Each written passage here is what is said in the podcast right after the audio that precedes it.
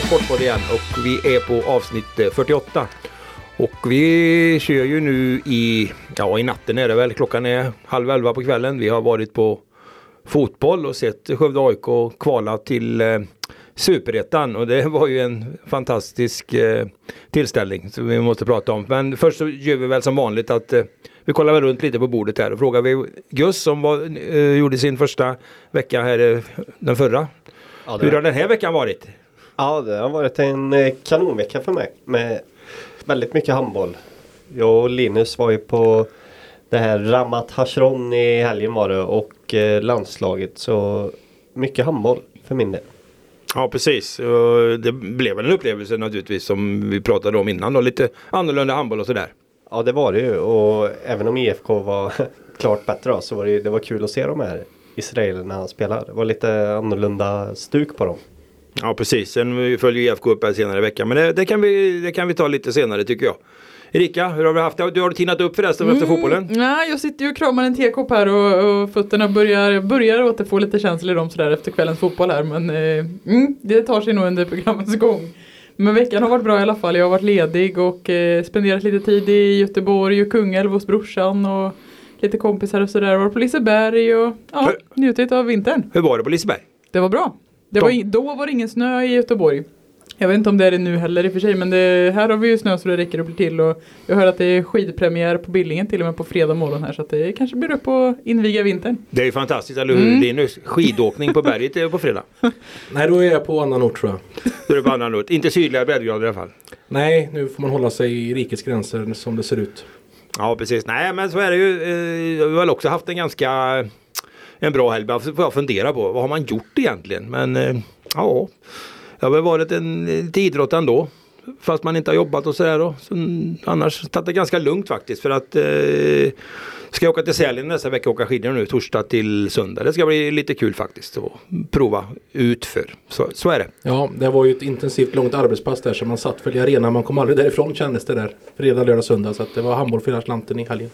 Ja precis så var det ju också. Det var ju kul med tjejerna. Det var ju också framförallt att det var så mycket folk på, mot det här VM. Det var över 1600 mot Montenegro. Mm, det var det och det märkte man också på spelarna som uppskattade det hela. Vi pratade med Lindblom efter matchen där och hon var ju väldigt entusiastisk av att eh, bli framhävd av publiken i Skövde. Ja det blir kul och nu börjar ju VM. Eh, börjar ju på fredagskvällen då. Då möter man Uzbekistan skulle det vara va? Uzbekistan. Det låter ju helt otroligt men man spelar väl handboll där också. För annars ska man inte vara i VM. Men Nej. det är väl matchen Sverige ska vinna självklart. De hade Puerto Rico tror jag. Också ett de land i VM. Ja, och så är det ju. Det är ju så i handboll att ju, många gånger så är det svårare och tuffare att vinna ett EM än kanske ett VM beroende på att men det är nog bra för sporten att man sprider. Nej, nog om detta. Nu måste vi hoppa på fotbollen. Vi är väl fortfarande väldigt nästan exalterade får man säga över den torsdagskvällen som vi har fått uppleva på Södermalms konstgräs. Skövde-Hojko, Akropolis, första kvalmatchen i Superettan. 3-0. Jag vet inte vad jag ska säga. Vad säger du Linus? Nej, jag är också helt eh, betagen av det resultatet. Det hade jag aldrig förväntat mig eh, när jag gick dit att det skulle bli stå 3-0 till Skövde efter första 90 minuterna. Och det var ju en historisk match på Södermalms IP på konstgräset då, som man hade fått ställa i ordning med provisoriska läktare som man hade fått flytta omkring och mobila läktare och så. Men eh, 1500 27 var väl siffran till slut där som hejade fram och vilken match de fick se och vilken, eh, vilka drömmål Skövde AIK bjöd på. Jag kan fortfarande inte släppa alltså Viktor Granats ledningsmål där när han visade rent brasiliansk spänst och cykelsparkade in 1-0 för Skövde AIK i slutet på första halvlek, på stopptid till och med. Det, då var jag nästan i Brasilien. Ja, men det var väl ett äkta Bustermål, var det inte det? Serietidningen. I den tidningen, där görs ju den typen av mål på löpande band. Men man brukar ju inte se dem i verkligheten. Men här kom det ju. Ja, absolut inte i en sån här match som betydde så mycket. Och, ja, nej, det, var, det var artisteri på hög nivå var det absolut. Men jag frågar Erika, du stod väl eh, nere på planen och upplevde det? Vi stod ju, jag och Linus, vi stod ju en bit upp på baksidan, baksidan läktaren, låter jättekonstigt men så var det faktiskt. Men det var ganska bra. Men du var nere på planen och hur, hur, det var stämning också överhuvudtaget va? Det Kändes var så? det. Ja, det var ju bra inramning får man ju lugnt säga. Det var ju uppbyggda läktare framför allt mot, eh, mot entrén om man säger så. Och där var det ju eh, riktigt välfyllt men sen stod det folk runt hela planen nästan där och det var bra, bra stämning runt hela, jag stod vid, eh, vid båset bredvid Tobias Linderoth där när första målet kom och tyvärr hade jag ju kameran riktad mot Linderoth då men eh, det var ju inte svårt. Det tog inte många millisekunder innan man märkte att det blev mål att det var dags att vända sig om. Så det, nej, det var otroligt och det exploderade ju på Södermalm kan man väl lugnt säga och det, det fortsatte ju på det hållet sen också. Ja, det var ju ett grymt slut. och Om man nu tar första halvlek som blev ju nog tror jag väldigt avgörande för hur eh, resten också eh, kom att utspela sig. Jag menar, eh, de mötte ju ett Akropolis då som kommer dit med 35 poäng inspelade i Superettan. Och det såg man från början. Det var inget dåligt fotbollslag. Det var ganska bra, bra fart på spelet och dessutom så eh, får man nog ändå konstatera att det är ett ganska vant konstgräslag också. Grimsta som de spelar på uppe i, Stockholm har ju konstgräs så att det märktes på dem. Och utan att vara för negativ så tyckte jag väl det kändes där att eh, hade inte varit så där jäkla förvånad om de hade tagit ledningen ändå på någon omställning och liknande. Men Skövde AIK är ramstarkt svårslaget och så slår man till då absolut det sista som hände första halvlek. Ja det gör man ju och man kan ju säga också som du säger det är inte oväntat för Marcus Fröjd fick verkligen visa, sträcka ut och rädda vid några tillfällen där i första halvlek när Akropolis kom runt. Men eh, samtidigt hade Viktor Granat en, eh, ett friläge som eh, målvakten räddade och eh, det var väl en straffsituation också på Daniel Ask där i, efter en halvtimme spel kanske sådär så att eh, Skövde hade också sina lägen att också spräcka nollan. De växte väl in i matchen så kan man väl säga. Och sen har vi då den här raketstarten på andra halvlek också. Som, det smäller ju direkt. Va? Ja, man hann ju inte nästan bänka sig för andra halvlek där när... Ja, man sätter ju en väldigt hög press i Skövde AIK då och ja, tvingar fram Akropolis till ett misstag så att eh, helt plötsligt är ju bollen framför fötterna på Daniel Ask och målvakten vet ju inte vad han ska göra. Han är inte alls med i målet och 2-0, 47 minuter. Och visst är det lite typiskt att det är just de, just de två spelarna som gör 1-0 och 2-0. Granat och Ask som väl ändå har varit de bästa den här säsongen i Skövde AIK. Och sen får man väl säga också, det är, det är ingen som faller ur ramen som man brukar säga utan Skövde AIK hade ju inte varit i det här kvalet om inte alla spelare hade spelat på en hög nivå. Men enligt mig så är det ju Granat och Ask som kanske är de två bästa spelarna. Ja men så är det väl och det är ju uppbyggt. Många gånger så bygger man ju lag och nu har man ju lyckats få till det då. Som man brukar kalla att man vill gärna ha en, en bra centrallinje rätt igenom laget. Så då kan börja med Marcus Fröjd som ju kanske sin bästa säsong mellan stolparna. Då har vi en backlinje då med Filip Skyberg som lagkapten och fältherre då. Eh, och så Asks mittfältsmotor och så Granat Viktor på topp. Som gör mål och så har man bra spelare runt om som gör vad de ska i matcherna. Det är klart, då får man ett bra lag som man har skapat. Då, så att, ja, ja, nu låter det ju som vi sitter här och tar ut det här i förskott men Erika, vi ska åka dit på söndag. Vad ska vi ha för känsla med oss? Eh, ja, vi får väl lyssna på Marcus Fröjd. Det är halvlek nu och det, det är mycket kvar såklart. Men alltså man ska ju inte säga annat än att det känns som att det är inte är klart. Men eh, det är bra bit på väg i alla fall. Hellre åka dit med 3-0 och hålla, mål, hålla nollan på hemmaplan. Och, ja, men det är mycket som talar för Skövde AIK nu alltså. Ja, för om man återkommer till matchen då. Alltså, sen gör ju även Elias Lindell då 3-0 målet där efter en timmes spel. Men redan efter 2-0 så kändes det ju väldigt frustrerat i Akropolis. Och man förberedde byte och det, ja, det kändes som att det knäcktes Akropolis. Även om man sen gör en ansträngning och försöker få till något mål på slutet naturligtvis. När Skövde AIK blir lite låga och så i laget. Men eh, det kändes förvånansvärt stabilt ändå i andra halvlek för Skövde AIK. Ja, och väldigt, väldigt viktigt att de eh, håller nollan. Det hade varit stor skillnad om Akropolis hade fått in en reducering där på slutet. 2-0 hade de behövt göra då uppe i Stockholm och det hade ju inte, då hade det ju inte alls känts lika givet att Skövde AIK ska klara det här som ni gör med 3-0. Och det kan man ju tacka Marcus Fröjd som gör en fenomenal dubbelparad. Först med händerna och sen med en fotparad direkt efter. Som, ja, där hade jag skrivit hem 3-1 men eh, han eh, Hullnollan? Ja, det, var, nej, det är imponerande, det måste jag säga. Alltså, man tror väl naturligtvis när man åker dit att klart att har chans att vinna det här. Men de har ju haft ett bra flyt i sitt spel och hela säsongen egentligen. Och man har kommit dit med en, eh, 19 matcher då i rad och bara förlorat en. Liksom. Nu byggde man på den ytterligare. Ja, men att 3-0 var, eh, nej, det är nästan lite overkligt. Så att, eh, men nu gäller det att hantera det här också. Va? Det, det måste man ha klart för sig. Ja. Det, vi får väl plocka fram som vi brukar. Gamla Leif Borks citat från ishockey. Finns inget som är så svårt som att leda med 3-0. Vad tror du Gus? Ja, jag tror att om du säger det till Akropolis så hade de gärna bytt och lett med 3-0 istället för att ligga under med 3-0. Men eh, ja, det, det gäller väl att hålla tätt. Håller de tätt ett tag så kan man ju tänka sig att eh, Akropolis ger upp lite va? Jag tror ju inte att Skövde AIK lämnar Grimsta utan mål och eh, då måste, då måste Akropolis göra fem mål. Det tror jag inte kommer hända.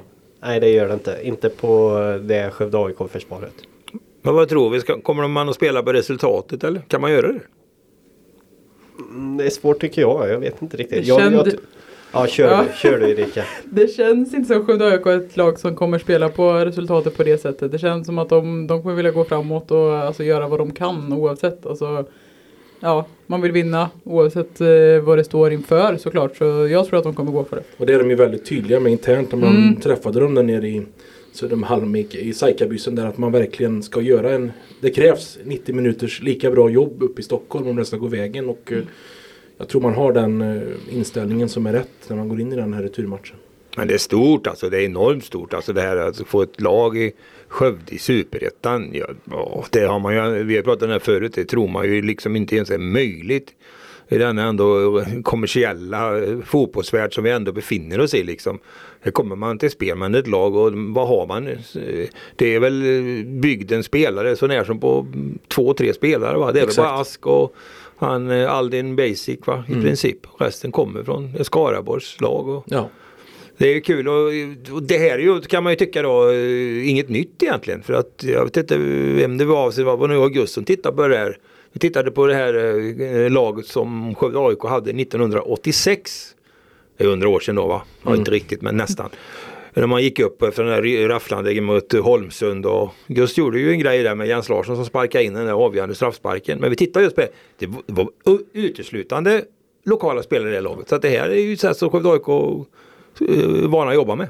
Ja, hemvävt verkar det ju verkligen vara som sagt var. Och man kan ju sätta in det i perspektiv då. Vi har ju handbollen som gick upp i högsta serien på 90-talet eh, ifrån Skövde och nu Skövde AIK på uppgång då i Superettan. Det tycker jag man kan eh, ja, sätta i paritet nästan med varandra. När man, det här är ändå fotbollens finrum på något sätt. När man slog ihop de här ettorna till en Superetta och skulle kunna AIK hamna där, det skulle vara oerhört stort. Där har man ju aldrig varit förut utan eh, sista gången är ju eh, som man var på den nivån det var ju det någon gång 80, när man gick upp 87 då var det två serier. Sen var man ju och, och snuddade på 90-talet.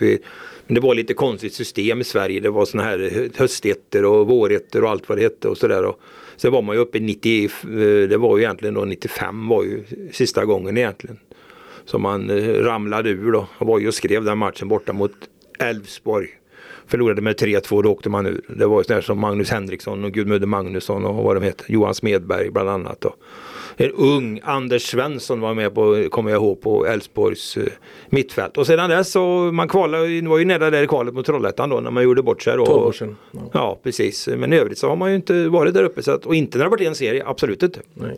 Nej, och dessutom så Skövde AIK, jag vill understryka det, de gjorde det jättebra arrangemang av bästa möjliga nu under de här förutsättningarna som var då när man fick möblera om. Men går Skövde AIK upp i Superettan så får man ju sätta ytterligare press på att kommunen ska fixa en ny anläggning till Skövde AIK som eh, är mer elitmässig än vad Södermalms IP är.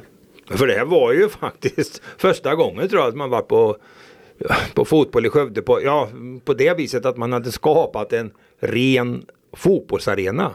Primitiv visserligen men ändå va, med läktare runt om och inga löparbanor. Och jag har ju varit på fotboll på Södermalm, jag har varit både 8 och 10 och 12 000 och 5 000. Men det, är ju inte, men det här blir ju ändå på något vis, jag tycker det var en ganska tight, jag vet inte Rika, ute på, Mm. kändes som en tight stämning Ja. också va? Men det var precis det jag satt och tänkte på att det, även om det är mycket folk på Södermalm i vanliga fall så känns det som att det är mil mellan planen och åskådarna liksom när vi har löparbanor emellan och sådär. Så att det, det blir en väldig skillnad. Och ja, jag får väl be om ursäkt till dem som jag stod framför under tiden jag stod och fotade där nere då, men Nej, det är kul att det blir tajt och det blir liksom, det höjer ju upp stämningen också och gör ju att det känns ännu mer också. Och, ja, men det är bara positivt att man kommer närmare liksom. Och, ja, absolut. Nej, få upp 1500 personer som går och tittar på fotbollsmatch i 8 minusgrader i december. Det är ju ändå en intäkt för att eh, det finns ett intresse. Och vi vet ju också, om vi får vara lite subjektiva, eh, vi har ju den live-rapportering som vi har haft eh, på sla.se under kvällen. Eh, har ju varit väldigt fina resultat så det är väldigt många som har följt oss den vägen också då. Trots att det var 1500. På, så att, eh, det är ett boilande intresse på gång för fotbollen i, i, i Skövde. Vi vet att det är stort intresse för hockeyn när det drar ihop sig och handbollen. Och, men det känns som fotbollen är på väg. Men det är klart, man måste klara den här matchen först. Vi, vi får inte glömma det. Nej, och nu får man gärna läsa mer på sla.se för det finns en hel rad eh, uppföljningsartiklar från den här matchen om man vill ta del av den. Ja, absolut. Så att, eh, Nej, vi känner ju oss rätt både imponerade och jag vet inte. Nöjda får man ju inte vara. Nu är inte vi med och spelar då. Så att, Nej, vi får vara tydliga med det. Ja, det får vi verkligen vara. Men det är klart att eh, vi som ändå jobbar yrkesmässigt. Det här vore ju fantastiskt inspirerande att vi kunde få fotbollen på den nivån också då. För jag kommer ihåg också när med handbollen gick upp. Det tyckte jag var jättestort och är fortfarande. När man är liksom i gräddan i Sverige. Men eh, fotbollen är ju en bit därifrån. Men superettan är, är ju på rätt väg. Ja, och vilka lag man får också. Man kan ju se blicka fram emot ganska trevliga motstånd där nästa säsong. När, om de nu går upp. Det får man ju poängtera. Då. Ja, det är ju den brasklappen. Ja. Men eh, ja, vilka matcher det blir nästa år.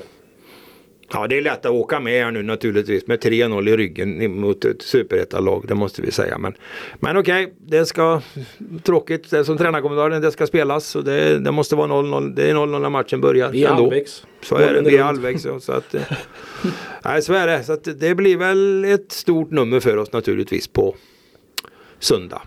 Mm. Vi kan ju räkna med att det är ett eh, taggat och eh, revanschsuget Akropolis i alla fall som vi åker upp till. För eh, när de klev av eh, planen där nere nu ikväll så smälldes det i dörrarna så att jag funderar på om de ens sitter kvar till omklädningsrummen där nere. Så att de, de var inte nöjda. Och de kommer väl vilja ta, ta ikapp det såklart. Så mm, det blir lite att bita i. Vi kan också räkna med mersmakande SAIK-anhängare som kommer ta sig upp till Stockholm på söndag. Det var signalen i, i, på torsdagskvällen. Ja, just det. Och Akropolis, jag har kollat lite, det är inga jättepubliksiffror de har. Så jag tror att det faktiskt har en viss betydelse att det var 1500 där idag. Jag tyckte man såg det att eh, sen det är klart att Skövde AIK-spelarna springer självklart i och med att matchen betyder så.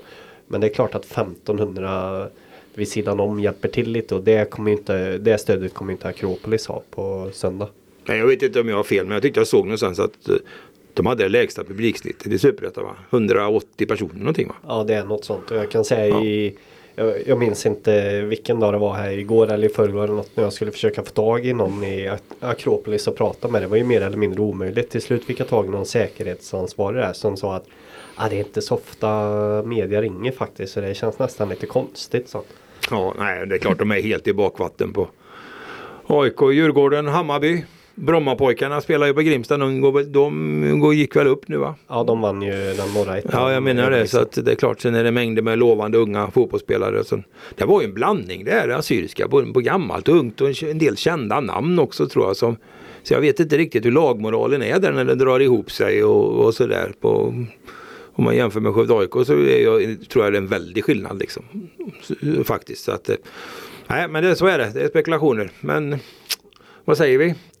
Vi tror väl på Skövde AIK. Vi kan inte göra någonting annat. Nej, det, det är naturligtvis ett drömläge. Så att det, ja. det, det, ligger ju på dem själva det här. Det är ju så man känner efter den här första matchen. Så är det Ja men så är det ju. Och vi kan ju, eller jag kan bara lägga till också att Dalkurd slog eh, Gais i den andra matchen med 2-1. Så att båda division 1-lagen. De gjorde det ja. Mm. Trots eh, före detta Skövde AIK Jonas Lindbergs mål för Gais. Alltså han gjorde målet där. Du ser, de har inte fått till någon vändning då. De byter ju ut våran Stefan Jakobsson då som är så förknippad med ja, både Skövde AIK och Tibro AIK som tränare och spelare och allt möjligt. Så han fick ju lämna då för att de skulle få till en vändning. Men den har ju inte kommit. Så att, eh. Det är ju surrealistiskt också för det är väl oklart om man verkligen ska lämna klubben för att han har ju ett kontrakt. Ja, han anställd, absolut. Att han kanske återkommer. Det har vi lärt oss i Skövde att man får hålla ordning på orden där. Entledigad och arbetsbefriad. ja, det ligger... Vi ska inte gå in mer på det. Men, nej, men det är viktig semantik alltså. Det, ja, det är absolut viktigt. Så att uh, han är väl arbetsbefriad vad jag förstår. Ja, ja sånt är det. Ja, eh, i övrigt så Handboll hade vi ju. Vi, vi byter ämne tycker jag för att vi, vi kan inte sitta och hålla på. de tror ju att vi redan har tagit ut det här i förskott för AIK. Det har vi absolut inte gjort utan de har, en, de har ett drygt dagsverke framför sig. Handboll var vi på i veckan också. IFK Skövde. Vi pratade lite om Europacupen men IFK Skövde. Ystad IF. En toppmatch i handbollsligan med en häftig vändning. Ja, verkligen. Man, eh, det var, det blev en ganska enkel resa som sagt var Europacupmatcherna mot det israeliska motståndet och så klev man in i ligaspelet och det var väl en toppmatch, alltså ett eh, toppmotstånd och det var länge sedan Skövde spelade mot det i ligaspelet. Så att eh, man hamnade ju i en ganska tuff sits, 15-19 underläge efter första 30 minuterna och då talade inte så där värst mycket för IFK Skövde. Det var lite samma visa som det har varit de tidigare matcherna med mycket insläppta mål. Eh, ett försvarsspel som inte riktigt eh, fungerar och därtill ett målvaktsspel också som inte fungerar. Så att eh, det, var, det såg ganska mörkt ut men sen kommer man ju ut i andra halvlek och bjuder på en, ja, en fullständig scenförändring. Alltså Ystad gör väl fem mål på de första 20 minuterna. Då har ju pendeln slagit över till Skövdes del. Och man får ju kalasträff på försvarsspelet. Och får lätta kontringsmål. Och, jag skrev en artikel om det i tidningen där att eh, Viktor Hallén på något sätt personifierar ju den här vändningen. För han brände ju några lägen i första halvlek och sen fick han göra de här mål i andra halvlek. När Skövde går ikapp och förbi. Då. Mm. Ja, nej, det var väldigt, väldigt starkt gjort för det var ju som sagt ett uh, toppmöte och även om man kan tycka så här att jag slirat lite med IFK spel och knappt vinner. Men de har vinner sina matcher. De är med i toppen. De, alltså, de har, ska ju förlora två, två stycken kamper. För Kristianstad-matchen ska ju spelas om mm. några gånger i mars tror jag de har pratat om. Men ja, det vet inte om det stämmer. Men uh, nej, de är ju med där alltså. Och vad brukar man säga om bra lag vinner även när man inte spelar på topp? Ja. Är det inte så? Jo, åtta, det är ju ändå åtta raka matchsegrar så att det naturligtvis har man hittat ett vinnande koncept. Men det är så man har ju höga förväntningar på IFK Skövde när man fick vara med om förra säsongen med SM-final och sådär. Då var det 1100 personer lite drygt. Bara tycker jag kan man säga om den här matchen. Jag vet inte om det är fundering bara om det här spelade in det här. Eh, det var ju första matchen nu som gick under de här nya eh, reglerna med covid. Så här Covidpass. Covidpass heter det, tack för hjälpen. Men eh, det var känslan, det var inte riktigt det där trycket som man trodde va? Nej, alltså jag blev lite förvånad över att det ändå var 1100. Jag tyckte inte att det kändes så mycket. Det var väldigt tyst, det pratade vi om i, i hallen där inne också. Att det, det var ingen jättestämning. Sen klart att det höjdes ju när, det, när de kom ikapp på slutet och gick om där. Då, då mm, då var det ju bra stämning i hallen såklart. Men innan det så var det, mm, det var lite dött. Ja, och Spiken fick ju elda på massorna mm. då i första halvlek när det gick lite tungt. För det då var det inte speciellt bra. Men sen så i andra halvlek så Ja, eh, Viktor Ahlén var väl inne på att publiken lyfte Skövde till taket och, mm. och eh, motståndaren till botten. Ja visst, nej men så var det ju säkert. Och nu är man med. Nu har vi ingen IFK-match här i helgen utan eh, vi är ganska lugnt på den fronten och det har vi har ju inget Skövde HF heller för att man har uppehåll för det är ju som sagt VM. Men eh, vi ska ju gå på en kul grej på lördag som jag tycker man kan nämna lite också. Invigning av bandytaket. Mm. Vi brukar säga att det är kallt att gå på bandy men efter att ha varit på fotboll här nu så kommer det bli en varm tillställning uppe på isbanan tror jag. Ja vi är luttrade nu. Nej men mm. det är mm. kul och det är ju framförallt en dag med, med tjej och dambandyn i, i i fokus. Och landskamp Sverige-Finland och, eh, och sen ska Skövde möta Erikas favoritlag Vargön på kvällen sen. du kan ju inte säga favorit. Nu har jag ju levt 25 år av mina liv i ja, jag är från Vargön men eh, favoritlag vet jag inte. Vi får väl se. Ja vi får se. Nej men så är det ju. Nej men kul ska det bli i alla fall. Och sen får vi hoppas att det blir kul på söndag också. För då, nu är vi ju där som vi också babblat mycket om. Allettan startar. Skövde IK, Vimmerby, Gus på plats. Så blir det. Det blir spännande. Första av 27 omgångar. Det känns långt 27 omgångar men det lär bli tajt hela vägen om Skövde IK ska vara, ta sig vidare. Det lär bli en riktig kamp för att Ja det är ju att inte hamna på de två sista platserna och det är väl där någonstans man räknar in Skövde IK i Kanske inte på de två sista men i det området av tabellen i alla fall på förhand. Ja, vad tror vi egentligen? Alltså, vi pratade om det jag och Linus lite idag förut tror jag det var. Va? Att eh, bara två lag från Skövdes. Ja, unikt sa vi väl tyckte vi. Ja, bara Boys och Skövde som kommer från den här västra serien. Ja och det är svårt att säga. Jag har inte superkoll på Huddinge och Väsby och de här lagen som kommer med. Men jag vet ju att det är bra lag. Huddinge brukar alltid vara bra och Väsby var ju i Allsvenskan förra året. Och vad blir det mer? Sen är det Hanviken också. Hanviken också som blev tvåa i den serien. Det blir en bra värdemätare mot Vimmerby då. För de kommer ju från den södra serien som historiskt har man ju hållit den lite högre. Ja, eh, Vimmerby var väl ett Ja, till och delad med. poäng i Ja, den. de var Ja, det var väldigt jämnt. på- Fyra lag väldigt ja. jämnt. En konstig serie i och för sig eftersom Karlskrona fick ju nio poäng utan att spela på de här tv-rättighetsmatcherna. De dömdes ju då som vinnare mot lag som vägrade spela eftersom inte de hade skrivit på tv-avtal. Men, men det är klart att alltså Karlskrona, man får räkna med att de där lagen också förstärker och plockar in spel under resans gång. Det har man ju nästan gjort. Det gör man ju nästan alltid. Och, och det har ju även grannen i Mariestad. Det har vi ju sett. Har ju plockar ju in spelare också här. Så att, eh, nej, det där kommer att, eh, kommer att bli kul. Och, men de kommer att få bekänna färg naturligtvis Skövde. För det har man ju alltid fått göra i allettan. Men kul att det börjar i alla fall 20 omgångar. Riktig serie tycker jag. Vad säger vi? Börjar vi? Ja, klockan närmar sig väl midnatt så Klockan är slagen. Snart går larmet på och då åker vi ut huvudet före allihop här. Så att eh, det kanske är Det lika kanske bra. blir extra ljudeffekter det här. Ja, det vet man inte. Ja. Nej, vi sitter ju som sagt på salon nu och vi har gjort sen förra omgången och eh, nej, jag tycker det funkar bra så att eh, men men vi går väl hem och eh, sover på Sätta kudden och eh, drömmer om Viktor Granats eh, cykelspark tycker jag och så tackar vi för idag. Det kan vi absolut göra. ja, tack så mycket. Tack tack! Tack, tack. Ha det gott.